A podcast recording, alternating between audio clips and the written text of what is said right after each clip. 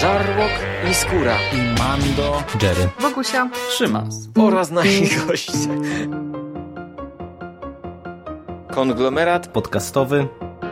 Wasze ulubione podcasty w jednym miejscu. Zapraszamy. Zapraszamy. Zapraszamy. zapraszamy. Zapraszamy!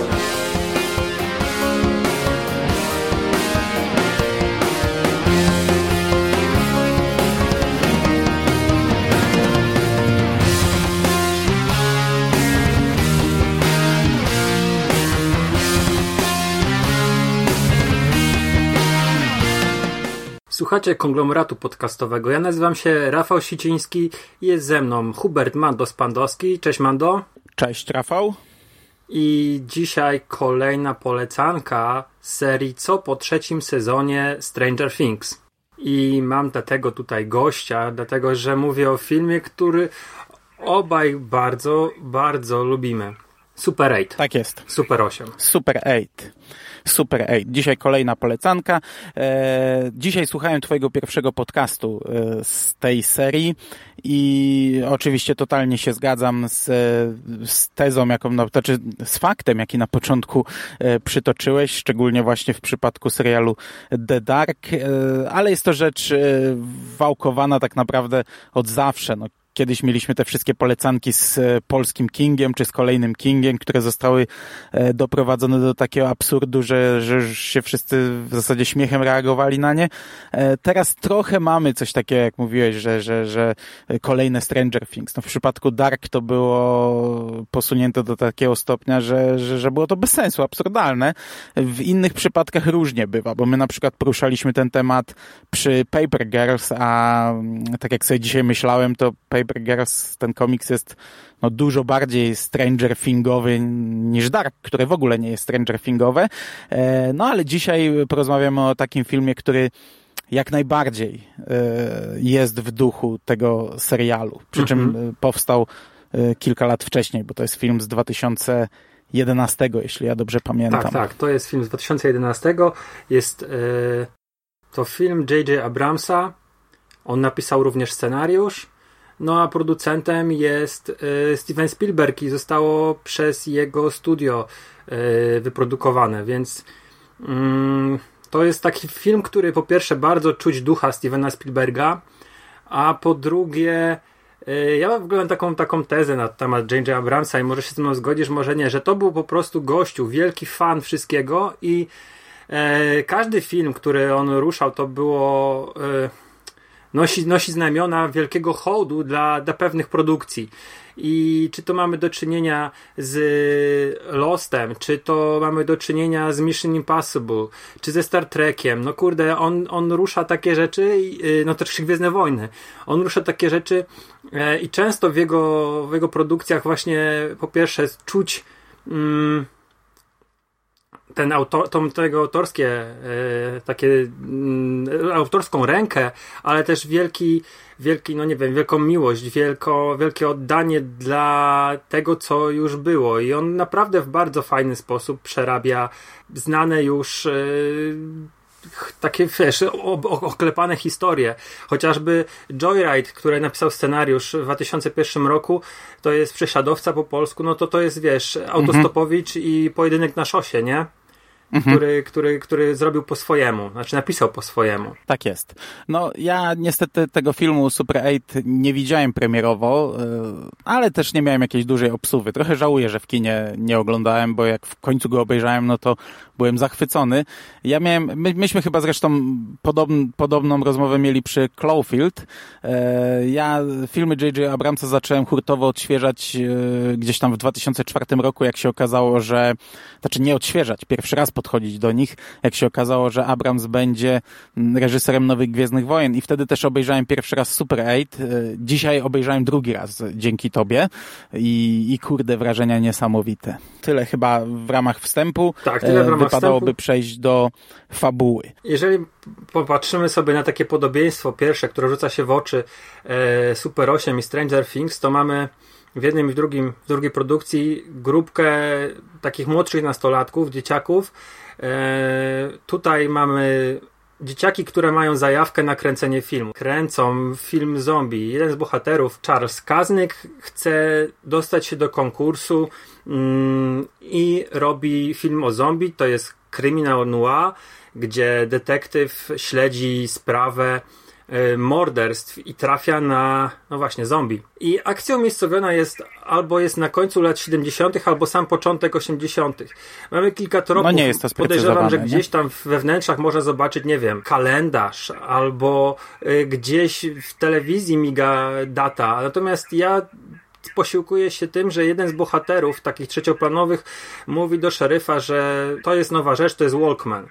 Walkman miał premierę w y, lipcu 1979 roku, więc myśli, myślę, że to może być właśnie końcówka 79 lub początek 80 roku.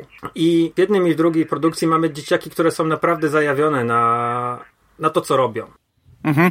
Przy czym tutaj mamy konkretnie fanów horroru. E, co prawda tam u nich e, w mieszkaniach widać plakaty innych też filmów, tam e, Bruce'a Lee widać w jednej Mhm. migawce, ale jednak głównie widzimy tam jakieś Halloween, w sumie no, jest plakat Halloween chyba, a to były już lata 80., jeżeli dobrze 78 pamiętam, czy nie? chyba.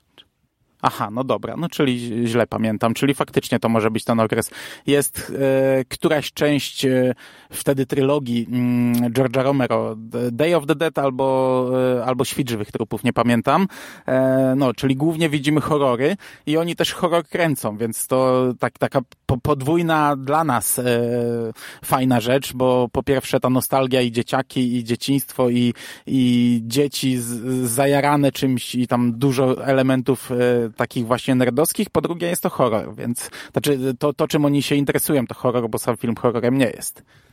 Mhm. I podczas kręcenia jednej ze scen są świadkami wykolejenia się pociągu. Mm, W ogóle wiesz, katastrofa, którą, którą pokazał nam Abrams jest e, no, fenomenalna i ja szczerze mówiąc... Fantastyczna. No, to jest po prostu, zapiera dech w piersiach ta Jak to scena. pierwszy, i to jest, jest jeszcze tak y, mocno, nie spodziewasz się tego. Jak to pierwszy raz oglądałem, to normalnie zbierałem zęby z podłogi.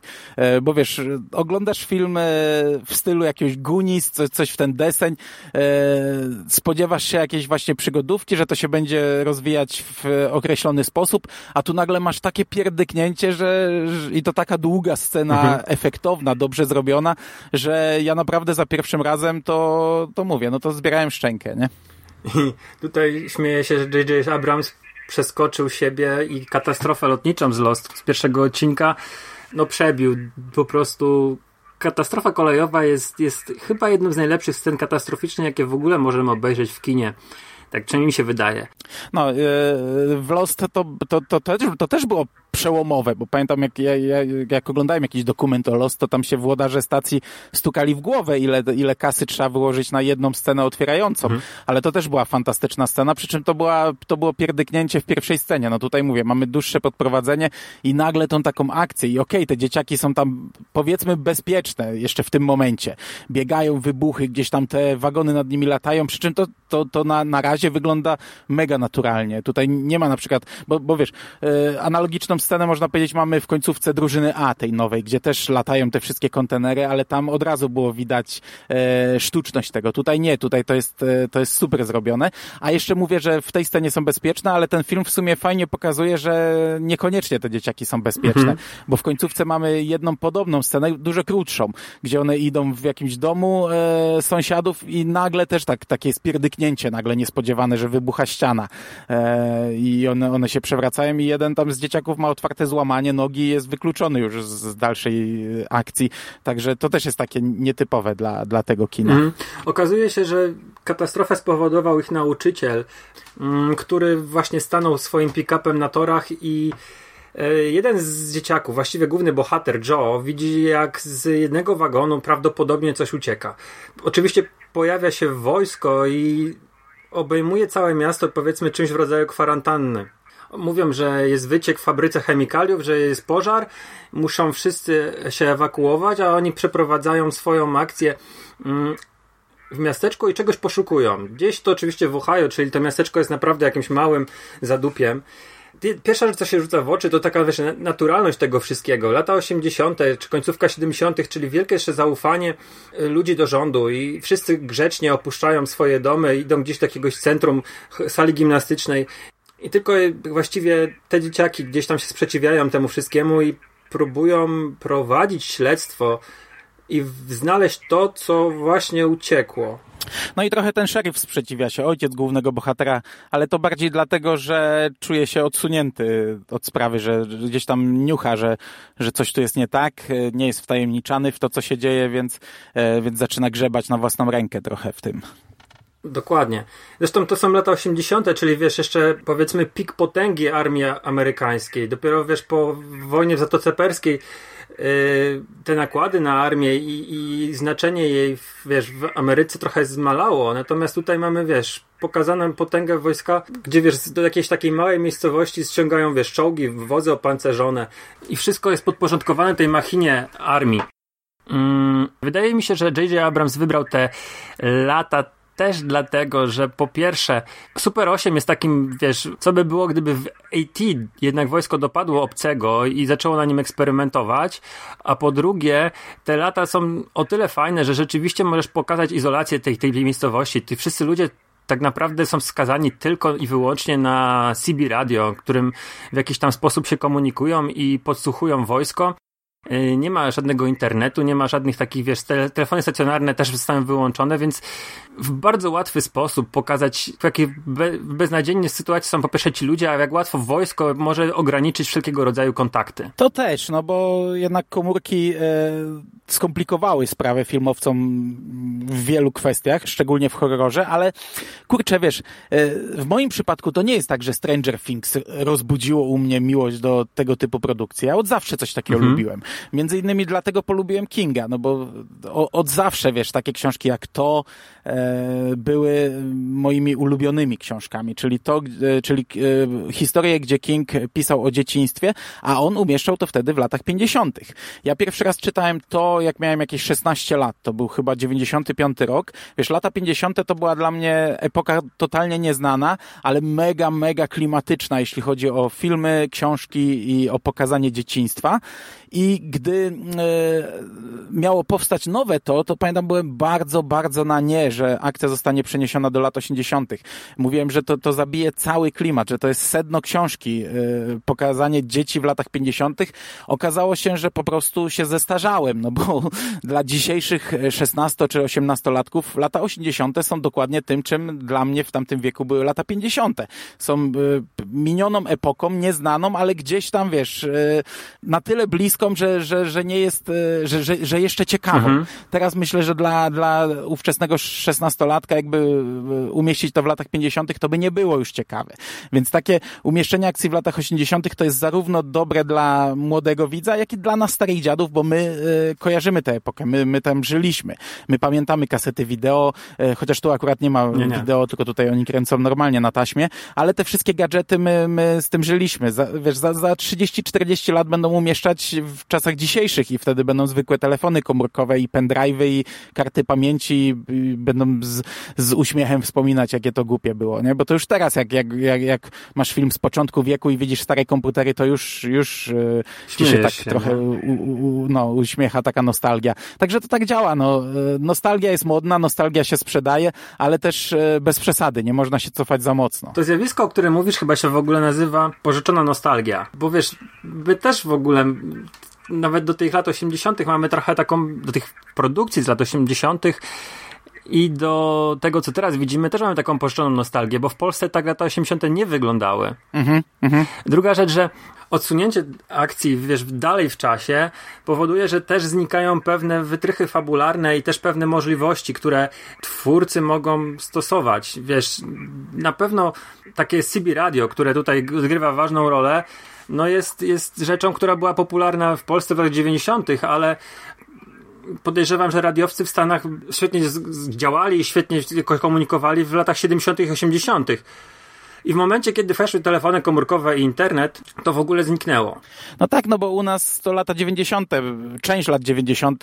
była odbiciem lat 80. U nas lata 90. to w ogóle była e, najdziwniejsza dekada, czym może nie w historii, ale bardzo dziwna dekada, gdzie my nadgania, nadganialiśmy wiele rzeczy. Też mówiliśmy o tym, e, jak rozmawialiśmy o Beverly Hills, że może i Polska nie wyglądała tak, ale my wtedy żyliśmy trochę filmami i, i, i mimo wszystko w tamtych latach mieliśmy to wyobrażenie tego innego świata i, i, i teraz, i teraz jak, jak wracamy do tego, no to gdzieś tam, gdzieś to to działa, no bo tak jak mówię, może, może nasze życie nie wyglądało tak, ale życie, które obserwowaliśmy, które śledziliśmy, e, wtedy tak wyglądało. Zresztą wiesz, ja w latach 90. miałem kamerę, co mhm. prawda kamerę wideo i też kręciłem wiele różnych rzeczy. No nie było to tak, tak fajne i tak profesjonalne, jak tutaj oni zrobili, bo takich możliwości nie miałem. Też gdzieś tam się bawiliśmy krótkofalówkami, no może nie miałem jakiegoś super, super e, radia, żeby się łączyć, ale, e, ale próbowałem to robić. No teraz to, to zupełnie inna bajka, nie? E, więc wróćmy jeszcze na chwilę do filmu. Mm, tak jak wspomniałem, coś ucieka z jednego wagonu i okazuje się to obcy, którego w posiadaniu jest armia amerykańska chyba od 58 roku. I jeden z głównych złych, tutaj w tej roli Neleka Noah Emrich, facet, którego na przykład możemy kojarzyć jako przyjaciela Trumana w Truman Show, e, eksperymentuje na tym obcym. I ten obcy, pierwsze co, co się rzuca w oczy, to, że on jest jednak zły. Mimo, że wiesz, uciek z transportu, to zaczynają znikać zwierzęta z miasta, e, zaczynają znikać ludzie. Mm, mamy sceny właśnie, które pokazują nam, że on jednak atakuje ludzi, gdzieś tam ci ludzie znikają. Ojciec głównego bohatera, Jackson, nie znajduje e, trupów, ale mm, zaginął szeryf między innymi i nasi bohaterowie starają się po pierwsze dojść do tego, co z tego transportu uciekło. Udaje im się znaleźć swojego nauczyciela, który spowodował ten wypadek i on im tłumaczyć zaczyna, że rzeczywiście jest tam istota, która przeciała z kosmosu, że ludzie ją bardzo skrzywdzili, że przez 20 lat y, ją męczyli i że w tym momencie ona jest tylko żądna krwi, zemsty, a gdzieś w międzyczasie mm, znika Alice, jedna z głównych bohaterek, przyjaciółka, y, z którą kręcą film i oni właśnie postanawiają ruszyć jej na ratunek. Tak na sam koniec dochodzi do tego, że dzieciaki pomagają istocie y, odlecieć. Jednak mm, przez powiedzmy 75% filmu e, obcy jest pokazywany jako żądna krwi, żądna mordowania bestia i to stoi wiesz w takiej bardzo dużej opozycji do tego, do czego nas przyzwyczaiły produkcje z lat 80. z kosmitami, czy to E.T., czy to Alf gdzie jednak ten obcy to była miła istota, która przyjaźni się z dziećmi, która e, jest, wiesz, katalizatorem różnych śmiesznych sytuacji, wydarzeń. A to jest takiej dużej opozycji do tego, co, do czego nas te produkcje przyzwyczaiły. Jest fajnym twistem, bo ja przez pierwszy raz, jak oglądałem ten film, spodziewałem się, że wiesz, że ten obcy to będzie jednak pokojowa istota i która będzie chciała, e, nie wiem, z tymi dzieciakami przeżyć jakąś przygodę, a tutaj mamy coś zupełnie innego. Miałeś właściwie takie podobne oczekiwania do mnie, czy po prostu oglądałeś i nie, nie spodziewałeś się niczego i nie zaskoczyło cię to? E, tak, to, znaczy, tak, tak miałem, ale ostatecznie to jest e, fajnie zbalansowane, bo z jednej strony to jest taki monster movie, jak właśnie e, Cloverfield chociażby. Mamy jakiegoś giganty, wielkiego potwora, może nie tak gigantycznego jak tam, który kurczę, rozwala miasto, wygląda obrzydliwie, e, rusza się jak jakiś wielki, kosmiczny, dziwaczny pająk, e, no i właśnie e, porywa ludzi, zabija, potem schodzimy do jego nory pod ziemią i to jest jak w to, tam kokony ludzkie wiszą z sufitu, on gdzieś tam żyje pod ziemią sobie po, po tej ucieczce. Z drugiej strony, no, jest nam też sugerowane, że, że on przyleciał pokojowo w miarę. No, to, to ludzkość sprawiła, to te 20 czy 30 lat tortur na nim sprawiły, że on tak reaguje, bo nadal e, wojsko wyciąga broń do niego, strzela z e, jakiś e, wyrzutni dział. Gdy on dopada autokaru, no to strzelają z karabinów do niego, a dzieci mimo wszystko jakoś, gdy mm, gdy nawiązują z nim kontakt, zresztą nie tylko dzieci, no ten nauczyciel ze szkoły też w pewnym momencie e, na taśmie widzimy, że on go porwał, czy tak złapał w trakcie karmienia, ale mm, zostawił żywego, bo nawiązali kontakt umysłowy i e, nauczyciel odkrył tak naprawdę, że on chce, chce po prostu wrócić do domu, niczym E.T. właśnie. I to z jednej strony jest takie e, kontrastowe, że, że, że mamy morderczego E.T., z drugiej to wypada całkiem e, spoko jak dla mnie. Właśnie takie połączenie, że widzimy monster movie z e, potworem, którego teoretycznie powinno się pokonać i gdzieś tam finał powinien być, że on zostanie pokonany, ale z drugiej e, te dzieciaki chcą mu pomóc, chcą pomóc mu wrócić do domu. Mhm. Do tego jeszcze e, ten cały właśnie wybuchowy finał, włączenie wojska, to mm, robi, idzie o krok dalej, robi coś, czego do tej pory chyba trochę boją się zrobić w Stranger Things. Bo w Stranger Things, nieważne jak bardzo by się posrało, to tak czy siak e, nie wychodzi to poza jakąś taką e, skalę mikro na, nawet jeśli tam już w tym trzecim sezonie pojawia się wojsko, ale nie mamy takich scen jak tutaj.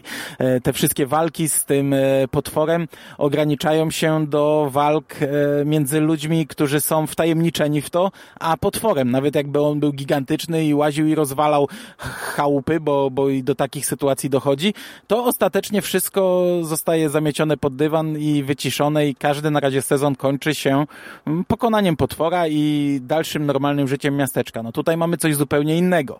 Tutaj e, wszystko wymyka się spod kontroli. To miasteczko ostatecznie zostanie w gruzach. Wojsko tam prowadzi regularną wojnę na, na ulicach tego miasteczka i, i to też jest fajne, to też jest spoko. To, to idzie, mówię, krok dalej niż na razie poszedł serial Stranger Things. Tak, w Stranger Things to wszystko rzeczywiście skala mikro i też yy, wiesz, wielka placówka badawcza, która nagle zostaje porzucona i pozostawiona w rękach Hoppera, nie? To takie mhm. niewyobrażalne, ale mm, zostawmy na chwilę y, Stranger Things i chciałbym, żebyśmy skupili się na bohaterach, bo jedna i druga y, rzecz, jedna i druga produkcja bardzo mocno stoją właśnie na tych dzieciakach.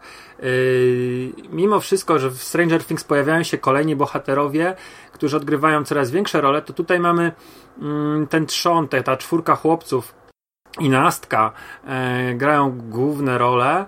E, no do drugiego sezonu dochodzi druga dziewczynka. Mm, I w Super Max. 8 mamy też dzieciaków, którzy e, właściwie oprócz Ellie Fanning, która e, jest siostrą Dakoty Fanning, która no jest e, no już szlify dawno temu zbierała, obydwie dziewczynki grały w dziesiątkach produkcji, to mamy chłopaków, którzy są często bardzo, no, znaczy powiedzieć, naturszczykami to może złe słowo, ale dopiero zaczynali w 2011 roku przygodę z kinem.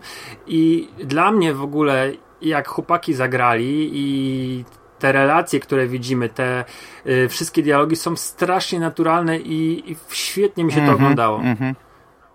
Znaczy jest e, schemat taki, jak właśnie Stranger Things e, wykorzystuje. No to, to samo było w Gunis, że masz e, główną paczkę, a oprócz tego masz też trochę kilka osób starszych, bo tutaj mamy siostrę jednego bohatera, e, chłopaczka pracującego w sklepie z e, wywoływaniem filmów. Oni też jakieś tam mikrorole ostatecznie mają w tym filmie. Tak samo w Stranger Things masz e, Steve'a ze starszego rocznika, masz siostrę Majka, głównego bohatera, brata Willa i zgadzam się tutaj mega naturalnie, chociaż co charakterystyczne, nie ma takiej wyrazistej tej paczki.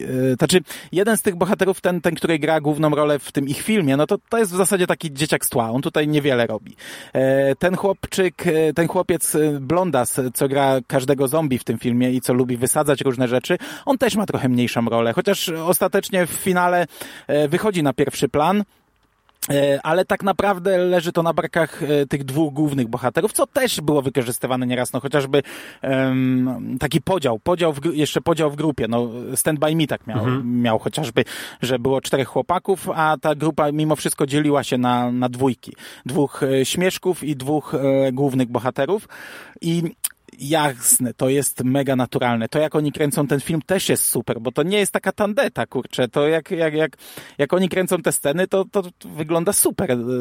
Co prawda na końcu widzimy ten cały film, to do tego można jeszcze wrócić, jak, jak go odebraliśmy, ale bardzo mi się podobały tutaj te rozmowy. Są mega naturalne. Do tego wcale nie jadą tak stereotypami, bo mm, jeden z tych głównych bohaterów to jest Grubasek. Bardzo często w takiej grupie był Grubasek ale tutaj no, raz jest poruszony ten temat, że on jest faktycznie gruby, ale on nie jest takim typowym grubaskiem z tego typu filmów, typowym śmieszkiem, grubaskiem. Albo z którego sobie robią jaja, nie? Drugiego planu, no tylko on tutaj jest faktycznie e, takim liderem, e, który ma swoje pasje, ma, ma swoje e, cele i je realizuje, a nie jest tylko takim tam głupkiem tutaj w drużynie, nie? Mhm z tymi grubaskami. Ja sobie zaraz przypominam e, Kevina samego w domu. Jego brat Baz bardzo mi przypominał właśnie e, z wyglądu Charlesa, nie? Czyli taką taki grubasek, no, no, no, ale silna osobowość. I tutaj chłopak, który właściwie, wiesz, w innych filmach byłby, nie wiem, wyśmiewany, tam starsi by mu dokuczali, tutaj jest, wiesz, prawdziwym reżyserem, rządzi, daje scenariusze, daje książki do poczytania, e, cały czas zarządza tą grupą. Fajnie to jest, naprawdę, chłopak, chłopak robi kapitalną robotę i w ogóle dialog między nim a głównym bohaterem Joe'im e, o właśnie Alice jest świetny, wiesz, taka krótka mm -hmm. męska rozmowa o uczuciach, o tym, że wiesz, że ej, ta dziewczyna mi się podobała, ty mi ją odbijasz, no ale okej, okay, jakoś to przeboleje, musimy kręcić film. E, no. Jest naprawdę bardzo dobrze to zagrane i ja cały film cieszyłam się Micha. Kolejny, za każdym razem, przy każdej okazji tego podcastu powtarzam to, to sformułowanie, bo ciężko się nie uśmiechać, jak widzisz, wiesz, e, no już jesteśmy dorośli, już jesteśmy, jak sam, sam się określasz, starym dziadem, e, mamy dzieci i wiesz, ciężko nie znaleźć jakiejś analogii ze swojego dzieciństwa, ze swoich rozmów z rówieśnikami, mm, ze swoich relacji.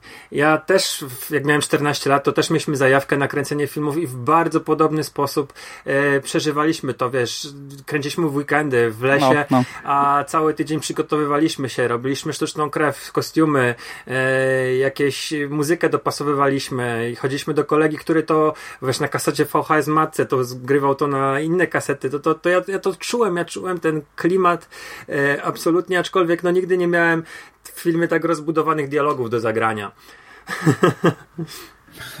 No, no ja tak ja to, dokładnie to samo mówię. Moje filmy też nie były tak, tak dobre jak tutaj, e, tak dobre technicznie, ale też nie miałem takiego sprzętu. E, to jest super. Ja zawsze lubiłem filmy o, o dzieciakach, a o dzieciakach z jakąś zajawką tym bardziej, jeżeli właśnie e, miałem dzieciaków, które, którzy mieli ukierunkowane zainteresowania na e, czy to gatunek filmowy, to tutaj jest, czy to jakieś właśnie modelarstwo, zabawy w figurki, e, zbieranie jakichś masek, jakichś gadżetów, to tutaj jest, czy to E, filmowanie, które dla mnie w dzieciństwie było e, jedną z podstawowych e, takich pasji, no bo figurek czy gadżetów to my nie mogliśmy zbierać, bo nie było takich mhm. możliwości za bardzo. I to też tutaj jest, więc fantastycznie mi się śledziło losy tych dzieciaków. Dobra, to zmierzajmy do podsumowania. Ja jeszcze tylko zaznaczę, że ten film różni się na pewno od, od wielu produkcji obecnie po, po, powstających, opowiadających w latach 80., gdyż nie ma w nim aż tak wielu utworów na licencji. Muzykę robił Michael Giacchino, który yy, jest takim bardzo stałym współpracownikiem J.J. Abramsa. On robił na przykład do Losta muzykę. E, z takich utworów licencjonowanych to ja kojarzę Electric Light Orchestra z samego początku i chyba ta piosenka też leci na napisach, ale tak to nie, nie kojarzę, żeby yy, takie szlagiery yy, gdzieś się przez film przewijały. I to jest właśnie taka chyba największa różnica między Super 8 a Stranger Things. Oczywiście mm, tego jest więcej, ale tak, z takich, takich właśnie nostalgia porn, no to tutaj Super 8 jest tego pozbawiony elementu. Więc podsumowując, mamy produkcję o dzieciakach, które zachowują się jak dzieciaki i które, tak jak Mando ładnie to wyłożył, mają fantastyczną zajawkę yy, na horrory i nakręcenie filmów. Mamy przez większą część filmu bardzo mocny horror dla nastolatków z istotą, która jest naprawdę straszna. Mm, mamy wielki taki czuć hołd dla produkcji Stevena Spielberga i mamy przede wszystkim wielką przygodę, która która, wiesz, w tle mamy okupację wojska na jakimś małym miasteczku w Ohio, a te dzieciaki, wiesz, kręcą sceny, na przykład przy, na tle katastrofy. Albo... No, to jest świetne. No właśnie miałem o tym powiedzieć, że to jest super wykorzystane, nie? Że jest katastrofa tego, oni stają, żeby to było w tle. Jest, wojsko rozkłada się przed jakimś domem, przeszukują dom, oni się przebrali za żołnierzy i, i kręcą scenę, jak jeden z nich e, robi, jak detektyw przesłuchuje żołnierza, gdzie w tle prawdziwe wojsko robi e, swoje. To, to jest też e, super wykorzystane. I wrzucony tekst o Wietnamie. Podaję ci te informacje, bo byliśmy raz w Wietnamie. Nie wspominajmy tego. To był mroczny tak, okres. e, Wszystko to, co powiedziałeś jest super. e, To jest naprawdę fantastyczny film. Do tego, pomimo tego, że bazuje mocno na nostalgii mm, i jakieś tam schematy powiela, to e, przetwarza te schematy. Podaje je inaczej, nieszablonowo, może zaskakująco, e, robi coś, co już widzieliśmy, łączy rzeczy, które już widzieliśmy, łączy je w fajny sposób i w nietypowy. I powstało coś, co jest jednocześnie e, nostalgiczne i, mm, i takie, co już niby znamy, a, a, a dostajemy coś innego, coś nowego, co jest dla mnie, dla mnie super. Zgadzam się, zgadzam się ze wszystkim, co powiedziałeś, także e, ja z całego serca ten film polecam. Dla mnie jest to e, po pierwsze przykład produkcji, która za niewielkie pieniądze, bo ona kosztowała 50 milionów dolarów, e, robi niesamowitą robotę. Jest z, od strony technicznej i od strony takiego odczuć widza e, rzeczą nie do podrobienia i idealnie wpisuje się w ten nasz krótki cykl. Tak jest. A na koniec jeszcze obejrzałeś cały film e, chłopaków, który leci na napisach końcowych? Oczywiście, oczywiście. Podobał się? Bo wcześniej mieliśmy tylko wstawki, nie? Wcześniej mieliśmy tylko wstawki, które wyglądały super, nie? Jak gdzieś tam widzieliśmy, jak ginie zombie, no to e, czapki z głów, nie? Chciałoby się coś takiego nakręcić Mhm. w dzieciństwie. Potem dostaliśmy cały, czyli tą fabułę, z którą chłopacy mieli problem, bo oni to też poruszali w filmie, że okej, super efekty, okej, fajnie to wygląda, ale brakuje nam cały czas historii, że, że tutaj nie ma cały czas jakiejś spójnej fabuły. No na koniec dostaliśmy cały ten film, fajna rzecz, fajnie się to oglądało, taki dodatkowy smaczek. Zgadzam ja byłem zdziwiony, bo wiesz, myślałem, że mi zostało e, 30 minut filmu, a to 8 minut przed końcem on się kończy, nie? Napisy wyskakują. Już miałem wyłączyć nawet, bo ja zapomniałem, że tam to leci. Ale mówię, ja zobaczę, może coś tutaj będzie, nie? Ja też. I, i ten, i, i tutaj takie zaskoczenie na koniec. Ja ci powiem, że ja czekałem na scenę po napisach i tylko dlatego y, z tego przyzwyczajenia, że ja zostawiam sobie napisy. Mm, bo, bo liczę, że jest scena po napisach. Zorientowałem się, że ten film leci. Też zupełnie o tym zapomniałem. Jest, jest super. Jest naprawdę. Na, no, ja mam nadzieję, że oni wygrali coś w tym konkursie, tym filmem. No, co prawda potem obejrzałem i tak napisy do końca, Mhm. bo na tych napisach już po tym filmie fajna, taka fajny utwór Mhm. leciał, pasujący do, do tego typu filmów. E, tak jak mówiłeś o ścieżce dźwiękowej, tak może ja nie zwróciłem uwagi za bardzo na ścieżkę w samym filmie, ale napisy już sobie posłuchałem do końca. Jeszcze taka informacja na sam koniec dla słuchaczy. Film jest do obejrzenia na polskim Netflixie, także jeżeli ktoś y, odstawił Stranger Things przed tych dwoma tygodniami, to nie ma problemu. Może Super 8 oglądać już dzisiaj po odsłuchaniu podcastu.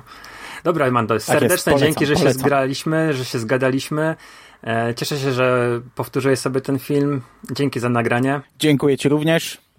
I wszystkim słuchaczom również dziękuję. Do usłyszenia. Cześć. Cześć.